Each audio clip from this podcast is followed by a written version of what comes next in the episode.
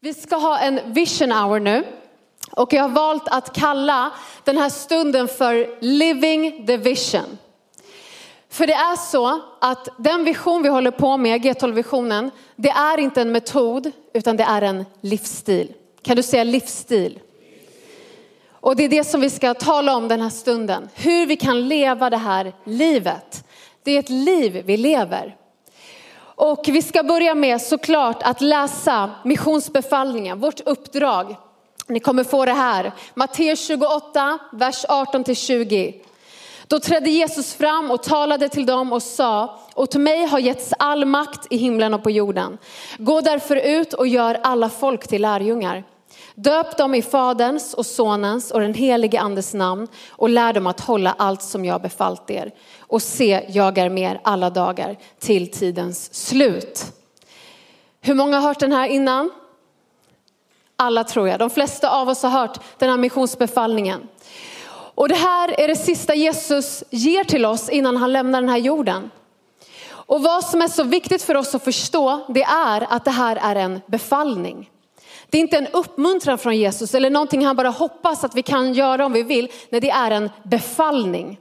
Om någon befaller dig någonting, då lyssnar du och lyder. Hoppas vi alla att vi gör. Det här är en befallning från Jesus och den gäller oss alla. Och när vi läser den här missionsbefallningen så kan det kännas så stort. Att gå ut och göra alla folk till lärjungar. Är det bara jag som känner det när jag läser den här versen? Men vad gjorde Jesus? Han fokuserade på 12. Han säger det här, men hans, hans fokus, det liv han levde, det var med 12 personer.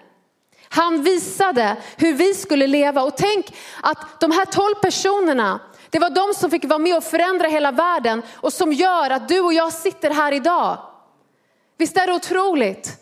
12 personer, 12 enkla män, inga speciella människors ögon, men Jesus levde livet med dem. Han investerade i dem under tre och ett halvt år så att vi sitter här idag. Jesus hade en banbrytande vision. Och G12-visionen, det är inte något nypåkommet, utan det är att leva som Jesus gjorde. Att dela livet med 12 personer, att investera i 12 personer, att älska 12 personer. Att vara en lärjunge som gör andra lärjungar.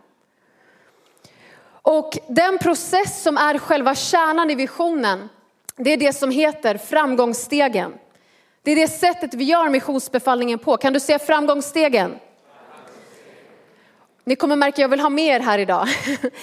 Eller hur? Vi gör det här tillsammans, det här är vårt liv tillsammans. Och jag kan säga att det här har förvandlat hela vår församling. Det har förvandlat tusentals människor över hela vår jord. Att gå igenom framgångsstegen, att leva det här livet som en lärjunge som också får privilegiet att göra andra till lärjungar. Och ni ska alldeles strax få lyssna till de här tre fantastiska personerna som ska få dela hur de lever det här livet. Men innan vi gör det så ska vi köra en crash course i framgångsstegen. Är du redo för det? Min, min utmaning är att gå igenom hela framgångsstegen på tio minuter. Tror ni jag klarar det? Då behöver ni vara med mig, okej? Okay? Vi ska se om vi får upp en bild där, bra. Vad heter det första steget? Vinna. Vinna. När vinner vi? När börjar vinnandet? Jo, vinnandet börjar och sker när man har tagit emot Jesus som sin Herre och Frälsare. Ska se, jag har massa här som ska komma upp på storbilden, får se om det kommer. Så det börjar, det sker när man tagit emot Jesus. Hur många har tagit emot Jesus här? Ni är vunna, underbart. Och varför behöver vi vinna? Jo, det första det är att det är, det är vår kallelse att vinna andra människor. Någon vann dig, eller hur? Och nu är vi kallade att vinna andra. Vi är kallade att vara de här livräddarna som räddar andra människor. Det är också vårt uppdrag att vinna människor. Jesus kallar oss till att vara människofiskare. Han kallar oss inte i första hand att bli predikanter. Han kallar oss inte i första hand att bli teologiska lärare eller profeter eller lovsångare. När han säger följ mig så ska jag göra er till människofiskare. Det finns så mycket vi kan fiska efter i våra liv, eller hur? Men Jesus vill att vårt hjärtas passion ska vara att fiska människor. Det är också vårt privilegium att vinna. Vi har blivit anförtrodda av Jesus att det vi har fått behöver vi ge vidare till andra. Det är ett privilegium. Och det är också vår skyldighet. Varför är det det? Jo, för att Jesus har betalat priset för varje person på den här jorden. Han har gett sitt liv. Han har svettats blod, han har dött för varje person som lever på den här jorden. Och varje själ är så dyrbar för honom. Och hans längtan är att varje person ska få möta honom. Att varje person ska bli frälst. Och därför behöver det bli vår längtan. Amen, ska du säga det ska bli min längtan? Amen, nu ringer min älskade man här. Hur vinner vi? Jo, vi vinner genom wow-grupper i hemmen. Precis som på den första församlingens tid som vi läser om i Apostlagärningarna. Vi vinner i våra wow-grupper, i våra hem. Vi vinner människor genom församlingens möten. Vi vinner människor genom evangelistiska satsningar, men också genom våra liv. Där du är, där du rör dig, i din familj, på ditt arbete. Genom att du är dig själv och låter Jesus lysa genom dig. Kan du säga amen till det? Vad heter nästa steg efter vinna? Lite högre. Befästa, bra. När börjar själva befästandet? Jo, från att, du tag, att någon tagit emot Jesus tills att man har genomgått hela life class. Och varför behöver man befästas? Är det någon som upptäckte när du tog emot Jesus att allt inte var guld och gröna skogar? Yes. Var det någon som märkte att det var en kamp om ditt liv? Det är en kamp fortfarande, eller hur? Men när man inte är befäst så vet man inte hur man ska hålla sig stark. Man vet inte hur man ska hålla sig nära Jesus och man behöver hjälp. Så när en person blivit vunnen behöver man omedelbart få omsorg. Man behöver direkt en person som står där, som står med en, som undervisar en, som ber för en, som hjälper en vidare i ens vandring med Gud, precis som en nyfödd baby. Och hur befäster vi människor? Jo, dels genom att vi direkt fångar upp människor som blivit frälsta. Vi har befästarteam, vi har befästare som direkt tar hand om människor, som ringer upp personen inom 48 timmar. Men sen har vi också wow-grupperna. Wow-grupperna är en plats där man får komma in i gemenskapen, får komma in i församlingen och få bli befäst i sin tro. Och hjärtat i hela befästa processen är också life class. Kan du säga life class? Hur många har gått life class? Eller encounter? Yes, underbart. Och life class, vad är det för någonting? Jo, life class är en möjlighet för varje person att få ett eget möte med Jesus. Att få bli förvandlad vid korset. Och vi vet alla att ett möte med Jesus förändrar allt. Och vi alla behöver det där mötet. Det är det som på djupet förvandlar en människas liv. Och Life Class är tio livsförvandlande veckor där du också får en genuin omvändelse. Du får din frälsning bekräftad, du får inre helande, du får frihet från alla bindningar till det förflutna. Du får bli fylld med den helige ande och du får också ta emot G12-visionen i ditt hjärta. Det är så bra, eller hur? Helt fantastiskt. Vad heter det tredje steget? Träna. Säg lite högre. Träna. När börjar tränandet? Jo, när Destiny Training börjar. Slutar vårt tränande någonsin? Slutar vårt formande någonsin? Nej, vi håller på att formas den här helgen, eller hur? Vi kommer aldrig sluta formas. Men Gud vill träna oss och forma oss till att bli lika honom.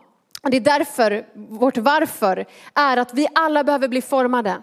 Vi alla behöver bli utrustade för att bli Jesu lärjungar och för att bli mer och mer lika honom. Så att vi sen också kan ge vidare till andra. Hur tränar vi människor? Tränandet sker självklart i wow-gruppen, i teamet av tolv.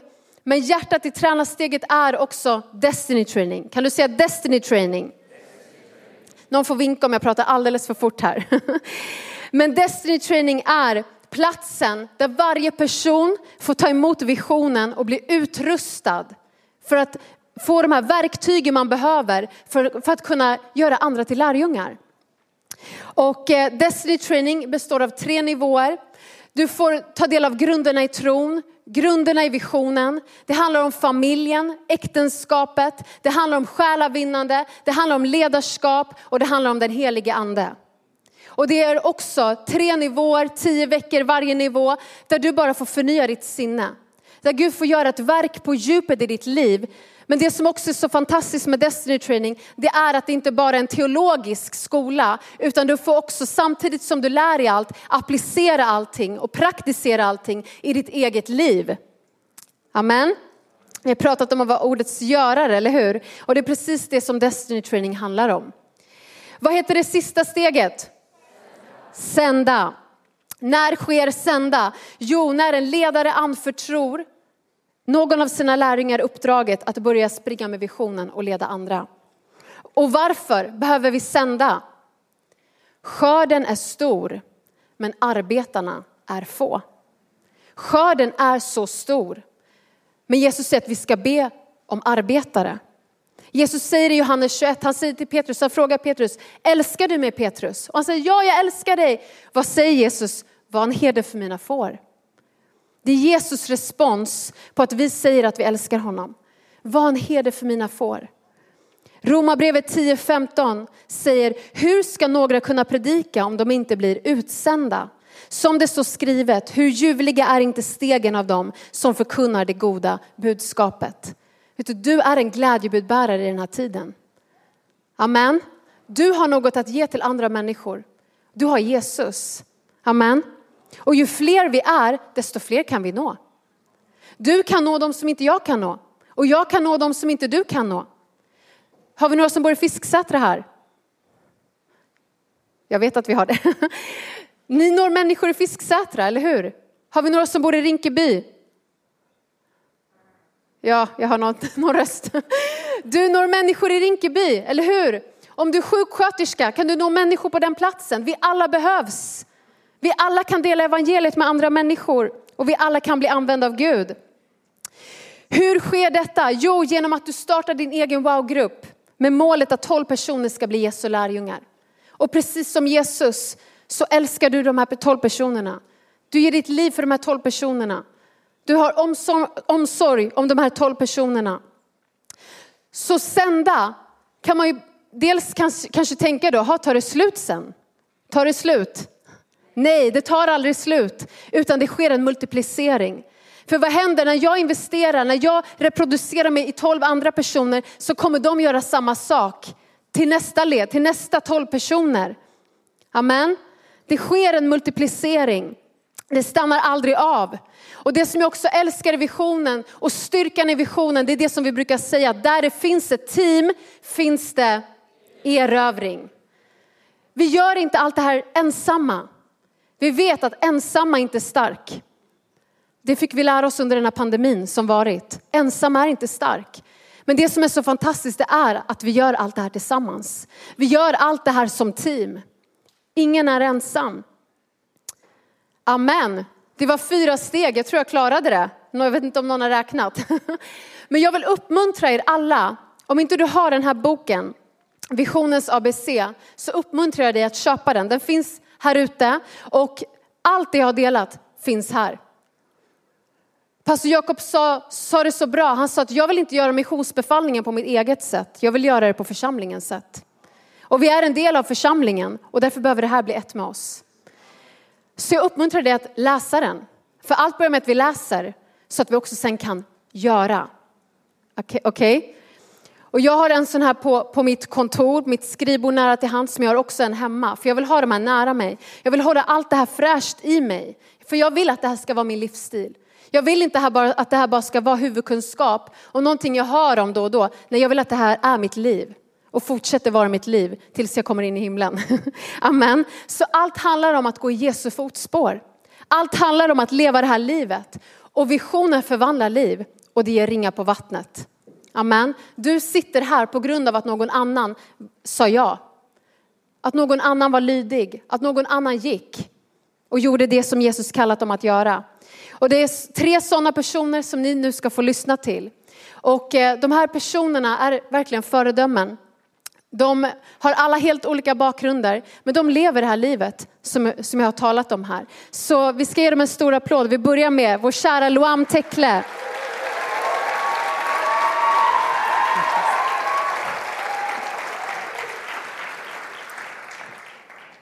Min tes idag är att visionen blev min räddning.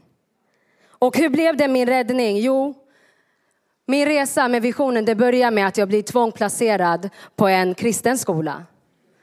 Inte ett eget val kanske, det var min, min mammas val. För hon hade hört att det fanns en kristen skola och jag skulle gå i den. Och mitt svar var nej. Inte för att jag inte var kristen, jag hade hört talas om Jesus. Men för jag visste inget mer än så. Så jag började på den här skolan med tvång, men det skulle komma att bli min räddning. För att på den här skolan så blir jag introducerad till Jesus. Jag kommer från ett eh, kristen bakgrund, men jag hade ingen relation till Gud. Så när någon säger till mig att du kan ha en relation med Gud, så väcker det tankar i mig. Och det börjar väcka sådana här tankar och till slut så blir jag frälst i skolan skulle jag vilja säga först och främst.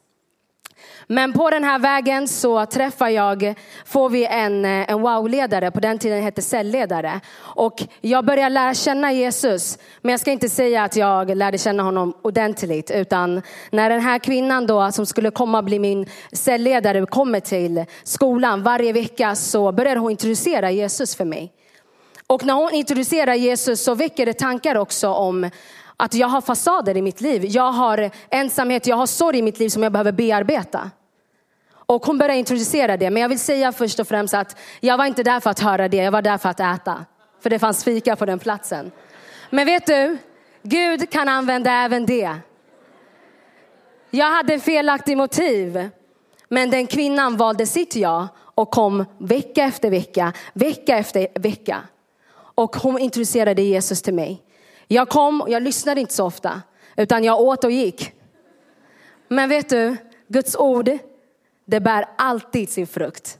Det multipliceras alltid. Så det som hände var att det som skulle bli ytligt i mitt liv, jo att äta, det kommer bli min räddning via den här kvinnan. Och hon heter Maria Karocka. Om hon är här någonstans.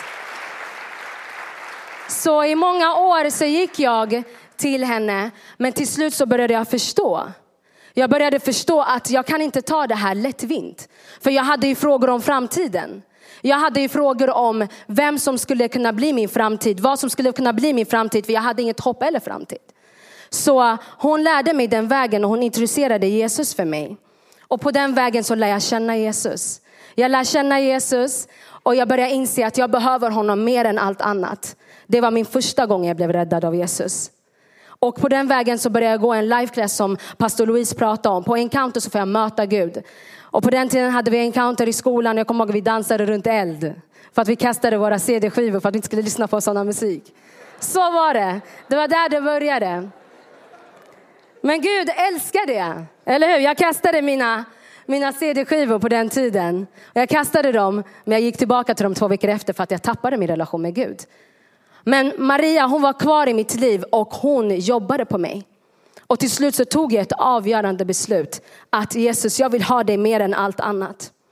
Och när jag började gå i skolan, på gymnasiet så började jag förstå att jag behöver Gud. Så i många år kanske var det fåfängt från Marias sida att hon bara kom om och om igen. Men på insidan gjorde det någonting. Och jag kan säga idag multipliceras det. Och det var där min resa började och där får jag lära känna Jesus. Och min resa sen blir ju att jag älskar Jesus mer än allt annat. Men jag hade en dröm i mitt liv och det var att jag ville åka utomlands. Och eh, jag ville åka utomlands och plugga. Så mitt fjärde år på, eh, på min examen så hade jag valt att jag skulle åka utomlands. Och jag tänkte, men nu älskar jag Gud, jag kommer till församlingen, jag är en trofast lärjunge. Jag kan åka utomlands. Det här är en dröm jag har. Jag frågade aldrig Gud om den drömmen, utan det var min dröm. Så jag åker på den här resan. Jag åker till ett, till ett land som heter Irland, till en, till en stad som heter Stab City. Jag åker dit och i början går det bra. Utan en wow-ledare, för jag har ju en relation med Gud. Men med tiden så börjar jag tappa min relation med Gud. För att jag underhåller inte min relation med Gud. Och jag hade inte en wow-ledare som kunde hjälpa mig, ut, uppmuntra mig, få mig att växa. Så det som händer är då att till slut så tappar jag hela min relation med Gud. Jag tar fel beslut och det halvåret raderas till att på utsidan hade jag det jättekul. Jag skulle kunna säga att det var en av de bästa resorna jag har gjort rent ytligt. Att jag fick, jag fick uppleva den drömmen. Men den drömmen kanske inte var i linje med Gud. Så till slut så tappade jag min relation till Gud och jag började komma tillbaka till en form av ångest i mitt liv. Vad ska hända med mig? Vem är jag? Men när jag, efter de här sex eh, månaderna så, åter, så kom jag tillbaka. Och då kände jag mig hopplös, jag kände mig tom på insidan. Inte för att jag inte har haft de bästa sex månaderna, för det hade jag på ett sätt. Men på andligt sätt så var jag rent död. För att det som var min räddning var inte på den platsen. Inte att det bara handlade om en person. Det handlar om en relation med Gud som visionen hjälpte mig till. Och där stod jag sex månader efter, jag kommer tillbaka till Sverige och jag säger Gud, du finns inte i mitt liv längre, jag är tom på insidan. Så jag säger till Gud, Gud om du är på riktigt, om jag har mött dig en gång så kan jag möta dig igen. Så vad händer då? Jo, jag kommer tillbaka till Gud, jag omvänder mig på nytt, jag överlåter mig till Gud. Och jag hade hört, jag går tillbaka till Marias eh, cell. Och så, så kommer jag tillbaka till den platsen och på den platsen så möter jag Gud igen. Och så får jag ett ord. Och det är egentligen det ordet som pastor Louise sa från Johannes där det står att Petrus, har du mig kär, för mina lamm på beten. Har du mig kär, var en herde för mina får. Jag får det ordet och det väcker i mig. Och när jag vaknar på den sekunden säger Gud, jag vill ge allt till dig. Jag vill vara, jag vill vara herden som för dina, dina lamm på beten. Så Gud han upprättar mig, han helar mig och jag är en helt ny person. Och där och då, några veckor efter, så startade jag min wow-grupp. Wow och när jag startade den wow-gruppen, det var för ungefär 9-10 år sedan. Och det kommer att bli min räddning om igen. Och på den vägen så lärde jag känna många, många kvinnor i mitt liv. Och jag har, jag har haft den wow-gruppen. Klipp till idag så leder jag kvinnor som älskar Jesus, som själva är ledare. Jag har mellan 12 till 18 lärjungar i min cell just nu som jag leder. Hälften av dem är själva ledare. I mitt nät så är vi cirka 45 till 50 personer just nu. Varför? För att jag sa mitt ja om igen. För att visionen har fått mig att växa. Du, ut, du utmanar mig fortfarande, jag är inte klar. Jag blir utmanad, inte till att det som har gett mig ska stanna kvar på den här platsen. Det finns en stafett som du kan ta vid idag. Det som har helat dig kan hela en annan person. Det som har upprättat dig kan upprätta en annan person. Men det finns en sak som kan sätta stopp för det. Det är din bekvämlighet. Och jag får jobba på min bekvämlighet många gånger. Men Gud har sagt att det finns ingen bekvämlighet med Gud. Jag kan inte vara bekväm och växa samtidigt. Så om du är på den här platsen och du tänker du har för många argument, det finns inga argument att tjäna Gud. Det enda argumentet du borde ha är Gud, här är jag. Vad kan jag göra med det du har gett mig och hur kan jag ge det vidare? Jag har fått möta många kvinnor, jag möter kvinnor idag även i mitt, i mitt inte bara i mitt ledarskap, men mitt arbete. Vet du vad visionen gör? Den stannar inte på den här platsen, i den här byggnaden vi är på. Visionen har lett mig till att jag får leda andra personer även på mitt arbete. Idag jobbar jag som projektledare. Och inte för att jag har, jag har inte lärt mig något, jag har inte gått en utbildning kring ledarskap. Vet du vad min utbildning var? Min wow-grupp. Det var min vision. Det är visionen som har varit min utbildning. Och någon vågade tro på mig. Vet du vad som hänt mer? En gång i tiden så var det bara jag som gick i wow-grupp. Vet du vem som går i wow-grupp idag? Min bror, min syster, min mamma. Och nu är det bara min pappa vi jobbar på.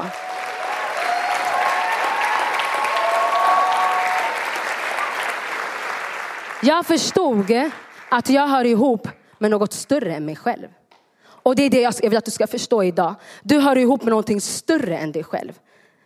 Stanna inte på den här platsen. Stanna inte på den här platsen att jag och mitt. Vi brukar säga there is more. Vad är det mer av? Mer av Gud. Och om det finns mer av Gud så finns det mer av människor i ditt liv. Det är det enda jag vill ge dig idag. Om det finns mer av, av Gud i, i, i ditt liv så finns det mer människor i ditt liv. Det finns utrymme för det. Så jag vill lämna er med en sista citat som jag sa häromdagen. Och det är det här citatet som jag lever efter. Christ-centered life is more than an event. It's more than a day. It's a movement of hope. Och det hoppet det förändrar min familj, mitt liv, min nation, men också min generation. Och det är det jag vill ge dig idag. Visionen, den räddar inte bara dig. Den är inte bara ute efter dig, den är ute så många efter dig. Så många efter dig. Och idag får jag leva det livet och det är inte bara på den här platsen. Vart jag än är, jag har till och med börjat Ja, hör och häpna, på gymmet.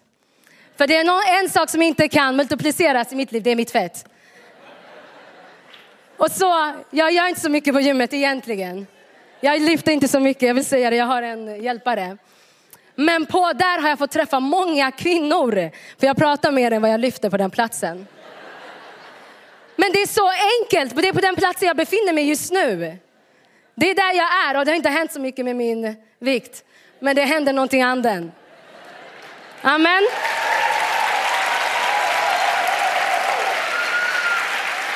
Så där du är, det är där du ska vara. Det är där du ska multipliceras. Du ska inte multiplicera på den här platsen bara. Och vet du, min dagliga relation, jag vill inte ge er ett event. Jag vill inte ge er någonting att komma till en konferens. Det är inte det jag vill ge er. Det är mitt dagliga beslut varje dag. Det är de där små stegen som gör de stora mängden av sakerna i mitt liv. Så där du är, där du är, var of movement of hope. Tack.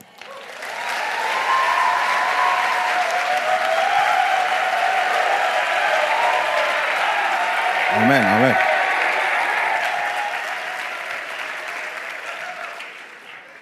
Wow, det är en hel del människor. Okej, ni som inte känner mig, mitt namn är Edvard Woso. Jag är 28 år gammal och jag är född och uppvuxen i Vällingby. Så här, lyssna. Jag, okej vänta. Kan vi visa bild på min familj?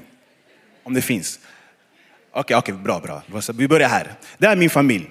Okay? Min syster Abigail, min pappa Adjiman, min bror Eric och min mamma Juliet. Så jag och mina syskon är födda här i Sverige. Och vår bakgrund är att ja, vi är kristna. För i Ghana, alltså det finns inget, jag tror inte på Gud. Du tror på Jesus eller du tror på den andra sidan. Grejen är så här, i mitt liv, det är sant, jag lovar. I mitt liv, eh, alltså här, jag, alltså mina föräldrar de är kristna, men det har varit väldigt traditionellt kristen. Så för mig, jag visste ingenting om Gud och sådär. Det enda jag minns var att min pappa han gav mig Bibeln och han sa till mig, läs Psaltaren 91 innan du går och lägger dig. Och jag läste, jag tänkte, vad är det här? Vad står det för någonting? Det är så konstiga meningar, jag fattar ingenting. Så jag läste typ en vecka sedan jag kastade den. Så det är det jag har av Gud. Men vad hände 2015? Jag kommer hit, okej? Okay? Jag kommer hit. Som ni ser här, jag spelade fotboll, okej? Okay? Landslaget. Sara, jag var bra på fotboll, okej? Okay? Nej, alltså jag måste vara ärlig. Sara, anti-jante, eller hur? Jag var bra på fotboll, okej? Okay? Ni ser ju själv här. Alltså, så. Och det är bara fakta. Men grejen är, jag var bra på fotboll, så fotboll har präglat mitt liv. Alltså min identitet var fotboll, jag ska bli fotbollsproffs. Och jag kom långt. Jag har varit över hela världen och spelat. Jag har mött många spelare. Många av mina lagkamrater idag, de spelar A-landslaget, de är utomlands. Det var på den nivån jag var. Okej? Okay? Framåt, jag kommer till AIK. Jag spelar AIK där. Innan, jag spelar AIK. Amen, amen, någon är aik Innan, du vet, jag har varit utomlands. Eh, klubbar i England har försökt värva mig. Du vet, jag har varit på den nivån. När jag kommer till AIK, och då är jag så här, okej okay, nu, jag har min chans. Nu, jag behöver bara prestera här i AIK och så är vi utomlands. Vi är ute i Europa. Millarna kommer in. Sköna bilen kommer. Husen. Men vad händer? I AIK, det går dåligt. Det går dåligt. Fotbollen misslyckas. Jag hamnar i djup depression. Och fotbollen var min identitet. Okay? Det var vem jag var. När jag hamnade i den här djupa depressionen, det gick så långt att det var, så här, det var en punkt, jag ville bara försvinna. Men utåt sett är det landslagsspelare, talang, AIK, han är ung, hit och dit. Men inombords, jag ville bara försvinna. Sen vad hände? Jag kommer hit till den här församlingen, jag får möta Gud. Det var pastor Lennart som predikade. Okay? Han predikade ett budskap och jag minns bara, det var så här, hur vet han vad jag går igenom? Jag fattade inte att det var Gud. Och jag stod här, jag skakade, jag kommer fram, jag tar emot Jesus. Vad händer? Jag går in här, pastor David, det var han som befäste mig. Ja ah, broder, hur mår du, hur känns det? Du vet, ni vet hur han pratar.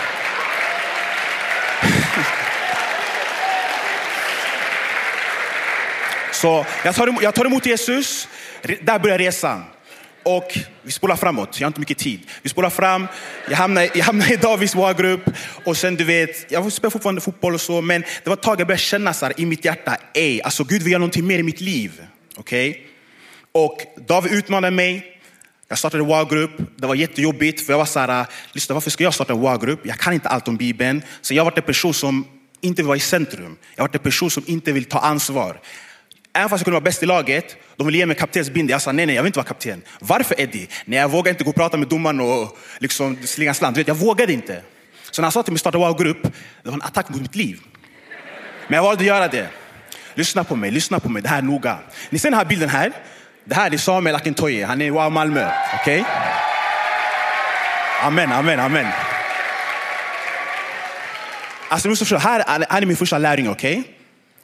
Den här killen, ödmjuk som han är, han är tre år äldre än mig, okej? Okay?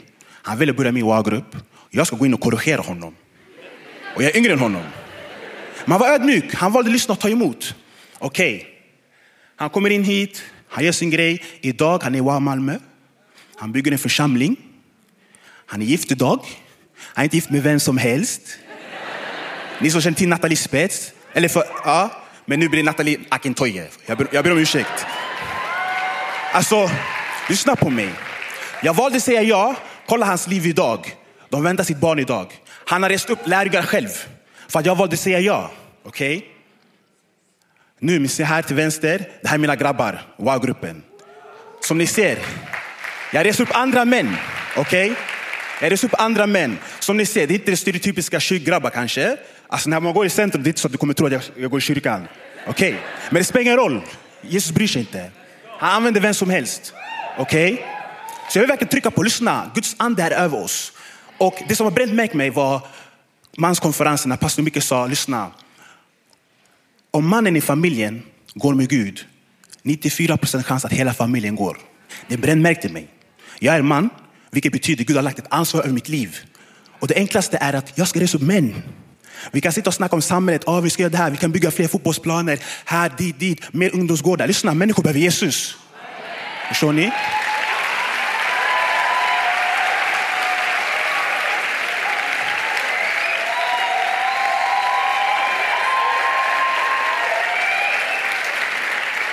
Så Gud, vad gjorde Gud i mitt liv? Han sa till mig, Eddie, lyssna, jag vill ha 100% av ditt hjärta. Okej? Okay? Efter den fotbollskarriären, du vet, jag var i allsvenskan, det gick ju dåligt, så jag hamnade längre ner i hierarkin. Så jag hamnade i division 2 och jag började komma upp i åldern. Så det finns en verklighet. Antingen måste jag lämna församlingen, flytta någon död stad och börja om från noll. Jag var inte villig att göra det. För jag ville inte, jag ville inte lämna församlingen, jag hade fått så mycket här. Så jag ville inte göra det, jag ville inte lämna Gud för att jag ska bli proffs. Så Gud säger, lyssna offra din fotboll. Och det gjorde ont, för jag investerade sedan jag var liten. För han sa till mig, han bara, lyssna, jag har 95 procent av ditt hjärta, men jag vill ha 100 procent av ditt hjärta. Just nu, den här saken är i vägen för mig, för jag vill, det jag vill göra i ditt liv. Så då sa vet du vad?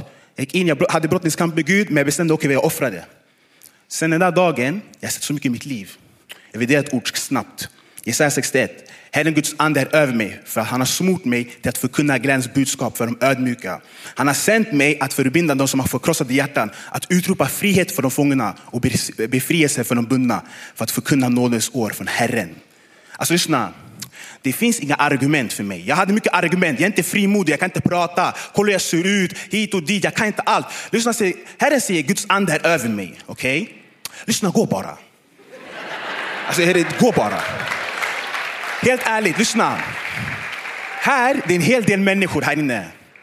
Innan jag kom upp, jag var varm. Jag var nervös. Men jag sa, lyssna, Guds ande är över mig. Jag går bara frimodigt. Jag hatade powerpoint-redovisningar i skolan. Jag duckade dem. Jag står inför er här. Om ni sa till mig, lyssna, ge mig 90, alltså 90 000 människor på en fotbollsarena. Jag ska ta en straff. Det här är enkelt. Men stå och prata framför människor, det var jobbigt. Det var mitt argument. Lyssna, Guds ande är över mig, vilket betyder jag är frimodig. Han kommer leda mig. Så jag behöver inte tänka. Så tänk inte, låt inte era argument förhindra det Gud vill göra i era liv. För det väntar människor bakom er. Förstår ni? Det väntar människor. Lyssna, David brukar säga, människors evighet är viktigare än din dagliga bekvämlighet. Så om jag kämpar med människofruktan, ska människofruktan vara ett argument och ett hinder för att en person ska få möta Jesus och få evigt liv? Alltså, ni måste bryta ner det. Okej? Okay? Alltså, Gud han är, han är rak mot mig. Därför vill jag vara rak med er också. Det här, vi alla vi jobbar tillsammans. Jag är människa, lyssna jag är inte perfekt. Jag kämpar varje dag, men jag vill bara säga, lyssna. Vi måste bryta ner det enkelt. Min fruktan, eller mina argument, eller jag har inte tid, eller min karriär. Lyssna, människors evighet. Tänk på människors evighet. Lyssna på mig, människors evighet. Okej? Okay? Låt det driva er till att kämpa er, mot era svagheter. Det driver mig idag att, eh, Eddie vet du vad? Okej, jag har svårt att prata med människor, men gör det. Nu, jag och med Nahum, vi har bestämt oss. Varje dag vi ska prata med människa. Okej? Så nu jag går till centrum, grabbar, vad heter ni? Låt mig prata om Jesus. Jag hatar att göra det, men jag ska göra det för att Jesus vill att jag ska göra det. För han har gjort mycket i mitt liv. Det var det jag ville bara dela, amen.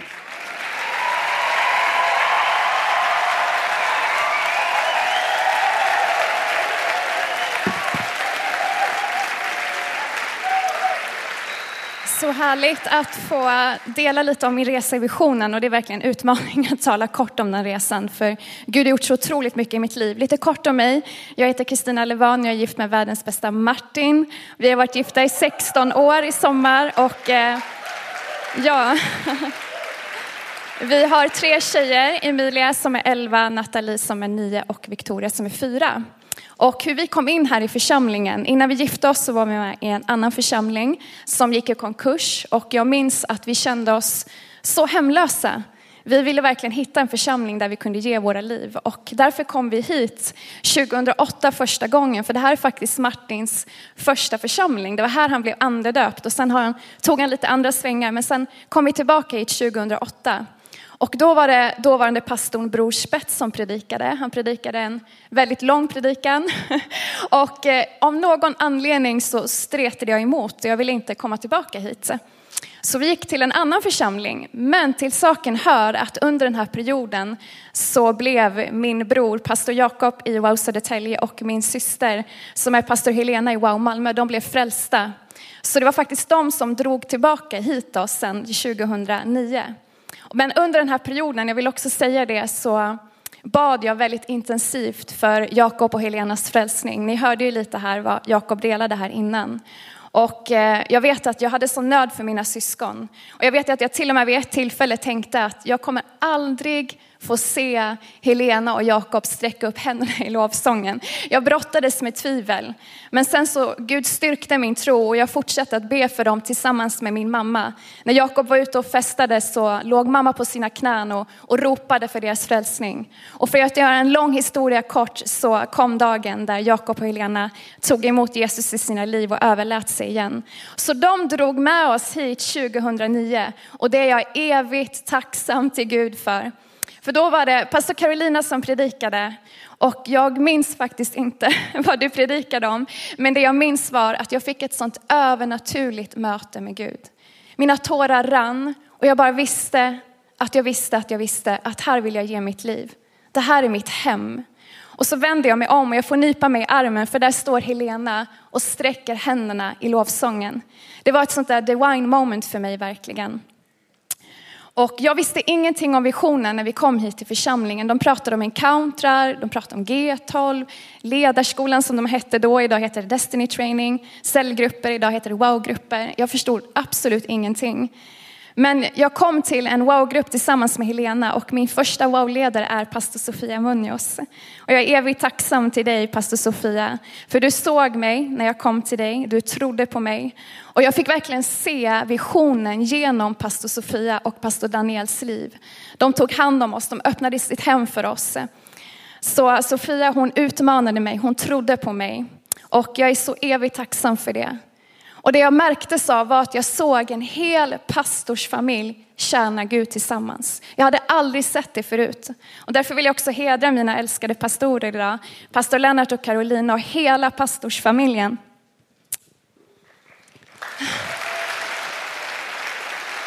Jag vill hedra er idag. För jag fick se genom era liv en hel familj tjäna Gud tillsammans. Och ni har också gått genom dödsskuggans dal.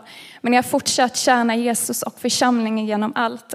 Och era liv märkte mig och Martin och vi ville ha det ni hade över era, era liv. Så ni blev verkligen vårt exempel. Så jag gick en encounter här och det var inget fel på den församling jag kom ifrån, men det här var någonting helt nytt när jag kom hit. Den encountern var livsförvandlande. Jag fick ett möte med Jesus, en uppenbarelse om korset.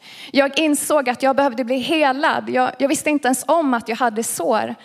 Och Gud uppenbarade det för mig. Jag hade drabbats av bulimi och anorexia under flera år. Jag blev totalt upprättad och befriad under den här encountern. Så det var helt fantastiskt vad Gud gjorde. Och under den här tiden så började vi också be för pastor Sofie i Södertälje. Vi började be för hennes frälsning och vi ropade till Gud och för att göra en lång historia kort så blev hon också frälst under den här tiden. Och det var så speciellt för mig för att efter encountern så började jag gå ledarskolan. På kristna skolan på söndagar klockan åtta åkte vi dit. Och det gjorde jag med glädje. För förutom att jag fick gå med min man så fick jag gå med mina syskon. Jakob och Helena som jag hade bett så mycket för. Det var helt fantastiskt.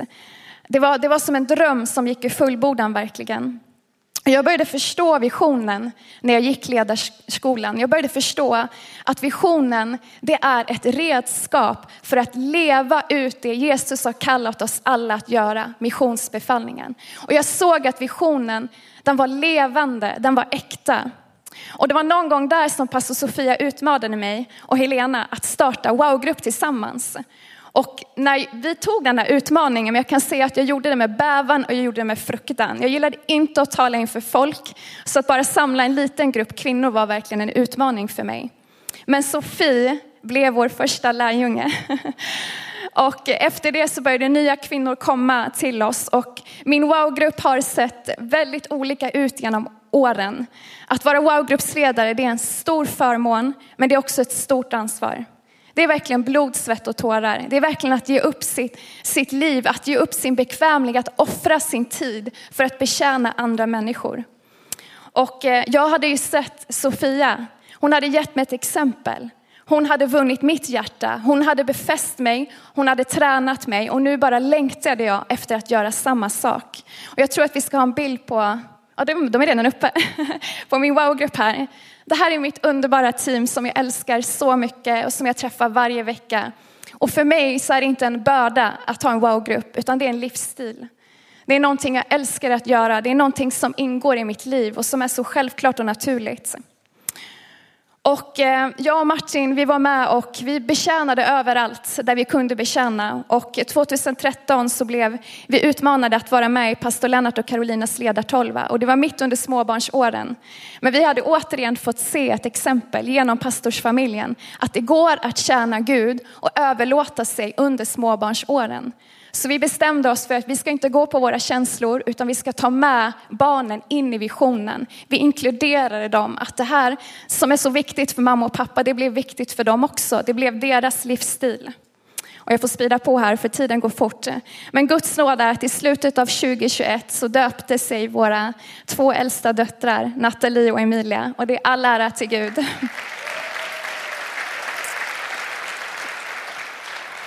2018 så planterade vi wow-församlingar i landet och mina syskon skulle sändas ut. Och samma helg som de skulle avskiljas för tjänsten så fick vi som familj ett väldigt chockartat besked. Och eh, vår älskade mamma som vi stod väldigt nära, hon hade lidit av svåra smärtor i magen under en lång tid. Och just den här helgen så fick hon åka in akut med smärtor, hon hade blivit gul över hela kroppen. Och vi fick beskedet att hon hade bukspottkörtelcancer. Det är en av de absolut svåraste formerna av cancersorter som man kan ha. Och där och då så började en väldigt speciell period i våra liv. Mamma hon gick på alla sorts mediciner. Alltså jag har aldrig sett en så lång lista med mediciner. Hon hade konstant smärta. Läkarna hade svårt att få ner hennes smärta. På en skala från 1 till 10 så hade hon konstant 8 till 9. Trots att hon fick liksom bli fullproppad med mediciner.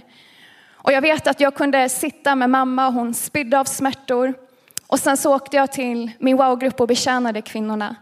Ibland så kunde jag få ett sms precis innan jag skulle undervisa på Destiny Training.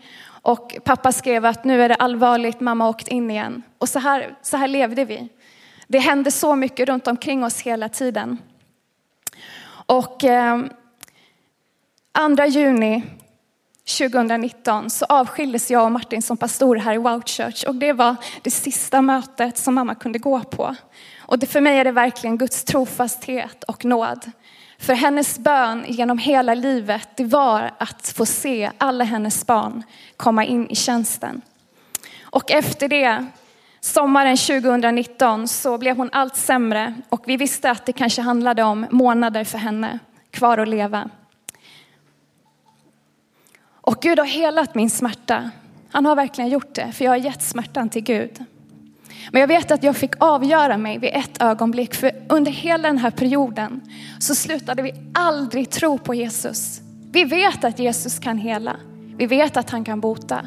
Och vi fick se kraften i visionen genom mammas sjukdomstid. Så många i församlingen bad intensivt för hennes liv. Det var helt fantastiskt att se. Det är visionen. Så många slöt upp. Och jag minns att i ett ögonblick så, så la jag mig på knä i vårt hem och jag grät ut min smärta. Och jag sa till Gud, Gud, om du vill ta hem mamma, vi tycker att hennes lopp inte har varit så långt, men om du vill ta hem henne så kommer jag fortsätta tjäna dig till mitt sista andetag. Jag kommer springa med visionen. Och den 10 september 2019 så somnade mamma in i frid. Hon somnade in i stillhet för hon hade fått se sina böner besvarade, att alla hennes barn kom in i tjänsten. Och att mamma har fått flytta hem till Jesus, det har märkt mig och min familj för evigheten. På mammas begravning så spelade vi en lovsång. Att jag vill göra mitt liv till en lovsång till dig. Där vart ord ska en hyllning till dig bära. Och i dagar av glädje och i dagar av sorg så vill jag leva var dag till din ära. Och det jag vill säga idag det är att det är vad visionen handlar om. Att leva varje dag till hans ära i glädje och i sorg. I tider av medgång och motgång, i tider av stormar och svårigheter. Att leva ut Jesu kärlek, att leva ut det Jesus har kallat oss att göra. Och på mammas begravning, här uppe så stor, hela min, nästan hela min wow-grupp var här. De hade tagit ledigt från sina arbeten. Och vet ni, det är också ett bevis på att visionen är levande, att visionen är äkta. Vi fick så mycket kärlek, vi fick så mycket omsorg under den här perioden. Och det är vad visionen handlar om. Och idag så drömmer jag och Martin om våra 144. Jag har ett nät idag på cirka 90 kvinnor, 90 underbara kvinnor. Efter den här konferensen så ska vi erövra våra 144 i Jesu namn. Amen. Amen. Våra 1728 och vi drömmer om ett förvandlat Sverige. Vi drömmer om att få se de tolv församlingarna, de tolv stiften. Och det är möjligt tack vare att en person, en person säger sitt ja till Jesus. Att en person väljer att överlåta sig och säga ja Jesus. Jag kommer gå med dig, jag kommer springa med visionen, kosta vad det kosta vill. Allt vi ser idag är tack vare visionen. Och den här dagen står jag här och jag vill ära Gud för den här visionen. Jag vill ära Gud för mina pastorer och min pastorsfamilj. Jag är så tacksam. Tack.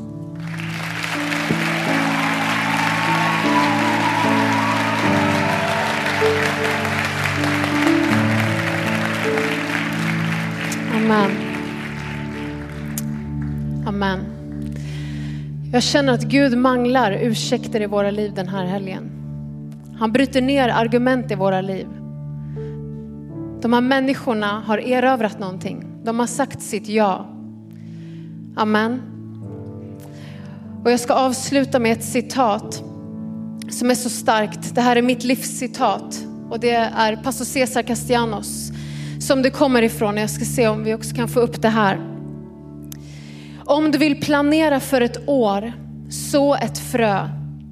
Om du vill planera för ett decennium, plantera ett träd. Om du vill planera för evigheten, så in i andra människor. Amen. Det är det våra liv handlar om och det är det som visionen handlar om. Att så in i andra människor. Att älska Gud och älska människor. Kan vi bara stå upp den här stunden?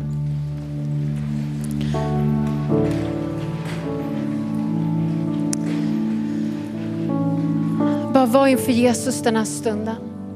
Jesus, vi tackar dig att du är här den här dagen, den här stunden, den här konferensen. Du har förberett något så speciellt för varje person. Jag tackar dig Gud att du har talat personligt den här stunden. Du har talat rakt in i våra liv. Och jag tackar dig för att du säger den här dagen att det är inte genom någon människas styrka eller kraft utan det är genom din ande. Fader, vi ber, kom med din ande över våra liv. Kom med din ande över våra liv. Så att visionen inte bara är en metod för oss, utan en livsstil. Ett liv där vi inte lever för oss själva och vår bekvämlighet, utan för dig och för andra människor. Gud, jag bara tackar att du opererar i våra hjärtan den här stunden. Vi bara ber Jesus, vidga våra hjärtan. Vidga våra hjärtan Jesus. Vi bara ber om det Fader. I Jesu namn. Amen. Amen.